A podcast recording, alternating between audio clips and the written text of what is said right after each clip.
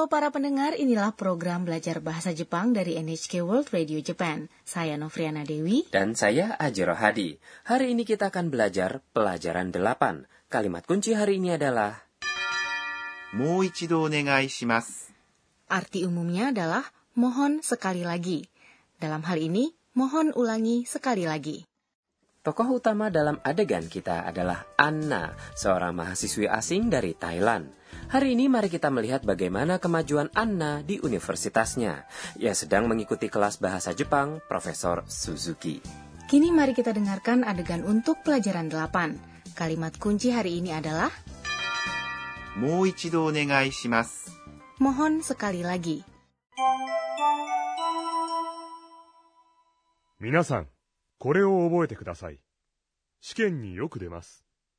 先生、 もう一度お願いします。 Sekarang mari saya jelaskan mengenai adegan tadi. Sambil menunjuk ke papan tulis, Profesor Suzuki mengatakan, 皆さん、これを覚えてください。 semuanya tolong hafalkan ini. 皆さん、 Adalah semua orang. これ Adalah ini. を Adalah partikel yang mengindikasikan objek suatu tindakan. Oboete kudasai adalah mohon hafalkan. Oboete kudasai terdiri dari kata kerja oboemas yang artinya menghafal dan kudasai yang artinya mohon. Anda mengucapkan kudasai saat Anda meminta seseorang untuk melakukan sesuatu. Itu adalah arti yang berbeda dari kudasai di pelajaran tujuh ya. Waktu itu kata ini merupakan ungkapan yang kita gunakan saat kita membeli sesuatu di toko. Ya, betul. Sekarang mengapa oboemas yang artinya menghafal menjadi oboete saat diikuti oleh kudasai? Tidak bisakah kita mengatakan oboemas kudasai? Sayang sekali tidak bisa. Pertama, seperti dalam oboemas, bentuk mas dari kata kerja diletakkan di akhir kalimat. Saat kita menggunakan kata kerja di tengah kalimat, yaitu saat kita menambahkan kata lain setelahnya, kita menggunakan bentuk konjugasinya. Di sini kata kerja oboe mas berubah menjadi oboete. Kata kerja yang berkonjugasi seperti ini diakhiri dengan te, disebut sebagai kata kerja bentuk te. Ah, begitu. Jika kata kerja diikuti oleh kudasai yang artinya mohon, maka menjadi kata kerja bentuk T ya? Betul. Anda mengucapkan kata kerja bentuk T, oboete, dan kudasai, sebuah ungkapan permintaan secara bersamaan. Jadi, oboete kudasai berarti mohon hafalkan. Profesor Suzuki mengatakan, Shiken yoku demasu. Itu sering keluar dalam ujian. Shiken adalah ujian. Ni Adalah partikel yang mengindikasikan poin di mana gerakan atau tindakan diarahkan. Yoku adalah kata keterangan yang berarti sering. Demas berarti keluar. Para pelajar semua bereaksi saat sang guru menyebut ujian. E? E mengungkapkan keterkejutan setelah mengatakan E. Anda hentikan nafas untuk satu ketuk. Mari kita berlatih. Eh? Kemudian Anna mengucapkannya langsung. Sensei, mau ichido onegai shimasu. Sensei, mohon sekali lagi. Sensei adalah guru. Sensei adalah kata yang merujuk pada guru di sekolah. Kata bahasa Jepang bagi profesor universitas adalah kyoju. Namun para mahasiswa biasanya menyebut sensei saat mereka memanggil dosennya. もう一度 Adalah sekali lagi dan お願いします。 adalah ungkapan sopan dari sebuah permintaan. Kita mengucapkan moichido onegai shimasu saat kita meminta seseorang melakukan sesuatu sekali lagi. Ya, もう一度お願いします。 Mohon sekali lagi. Inilah kalimat kunci hari ini. Ini adalah ungkapan yang praktis. Anda dapat menggunakannya saat Anda tidak dapat memahami bahasa Jepang saat Anda mendengarnya pertama kali.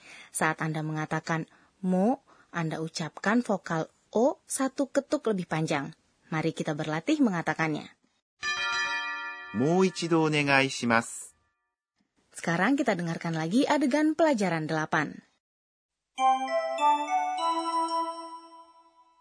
皆さん、これを覚えてください。試験によく出ます。先生、もう一度お願いします。 Kini adalah saatnya untuk pojok Sensei Oshiete. Penyelia program ini, Profesor Akane Tokunaga akan mengajarkan poin pembelajaran hari ini. Hari ini kita belajar cara mengajukan permintaan. Kita akan mengatakan kata kerja bentuk T dan kemudian kudasai. yang artinya mohon. Mohon ajari kami lebih rinci. Mari kita tanyakan guru kita.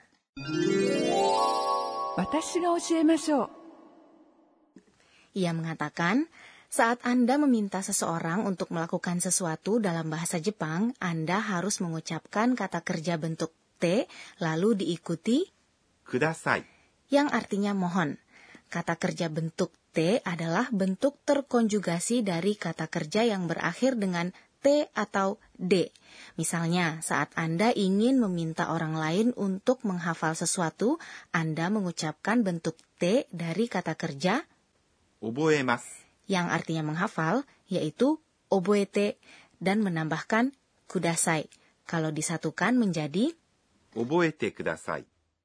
Kini mari kita pelajari bagaimana mengubah kata kerja yang berakhir dengan mas atau kata kerja bentuk mas menjadi bentuk T. Seperti halnya kita mendapatkan bentuk T pada oboe T dari kata kerja oboe mas. Pola dasarnya adalah hanya mengubah mas menjadi T. Misalnya, kata kerja yang berarti makan adalah tabemas. Bentuk T-nya adalah tabete. Jadi, Tabete kudasai. Berarti mohon atau silahkan makan. Melihat adalah mimas.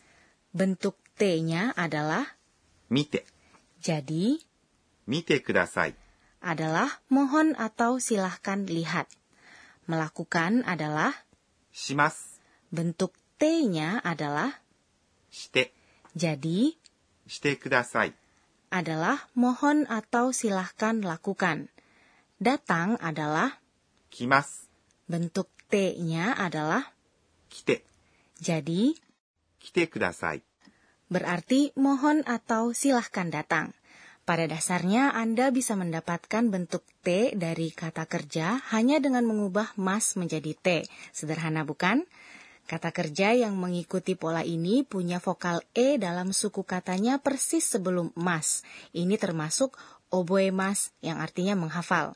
Ini juga termasuk sebagian kata kerja yang punya vokal I dalam suku katanya persis sebelum mas, seperti mimas yang artinya melihat. Mengenai cara lain untuk membuat kata kerja bentuk T, kami akan menjelaskannya dalam pelajaran berikutnya. Kata kerja bentuk T mungkin adalah rintangan pertama dalam mempelajari bahasa Jepang. Mari kita berusaha semaksimal mungkin untuk melewati rintangan ini. Itulah tadi pojok Sensei Oshiete. Berikutnya adalah pojok kata tiruan bunyi.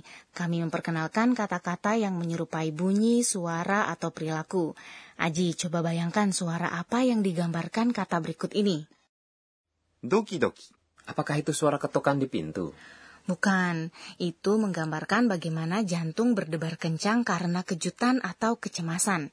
Kita juga dapat menggunakannya saat jantung berdebar-debar karena perasaan yang meluap atau menanti-nanti sesuatu. Kalau dipikir-pikir dalam mangga juga, sang pemeran utama merasa doki-doki karena ia merasa gugup saat berbicara dengan orang yang ia sukai. Ada juga satu kata yang mengungkapkan saat terkejut. 時。Kita sering mengucapkan doki saat kita terkejut. Dan sekian pojok kata tiruan bunyi hari ini. Sebelum nutup perjumpaan, inilah pojok catatan si Anna. Itu cuma. Saya dengar kita akan diberikan tes kecil selain ujian akhir. Kira-kira kapan ya tesnya? Saya merasa doki-doki. Apakah Anda menikmati pelajaran delapan? Kalimat kunci hari ini adalah もう一度お願いします。 mohon sekali lagi. Bergabunglah kembali bersama kami.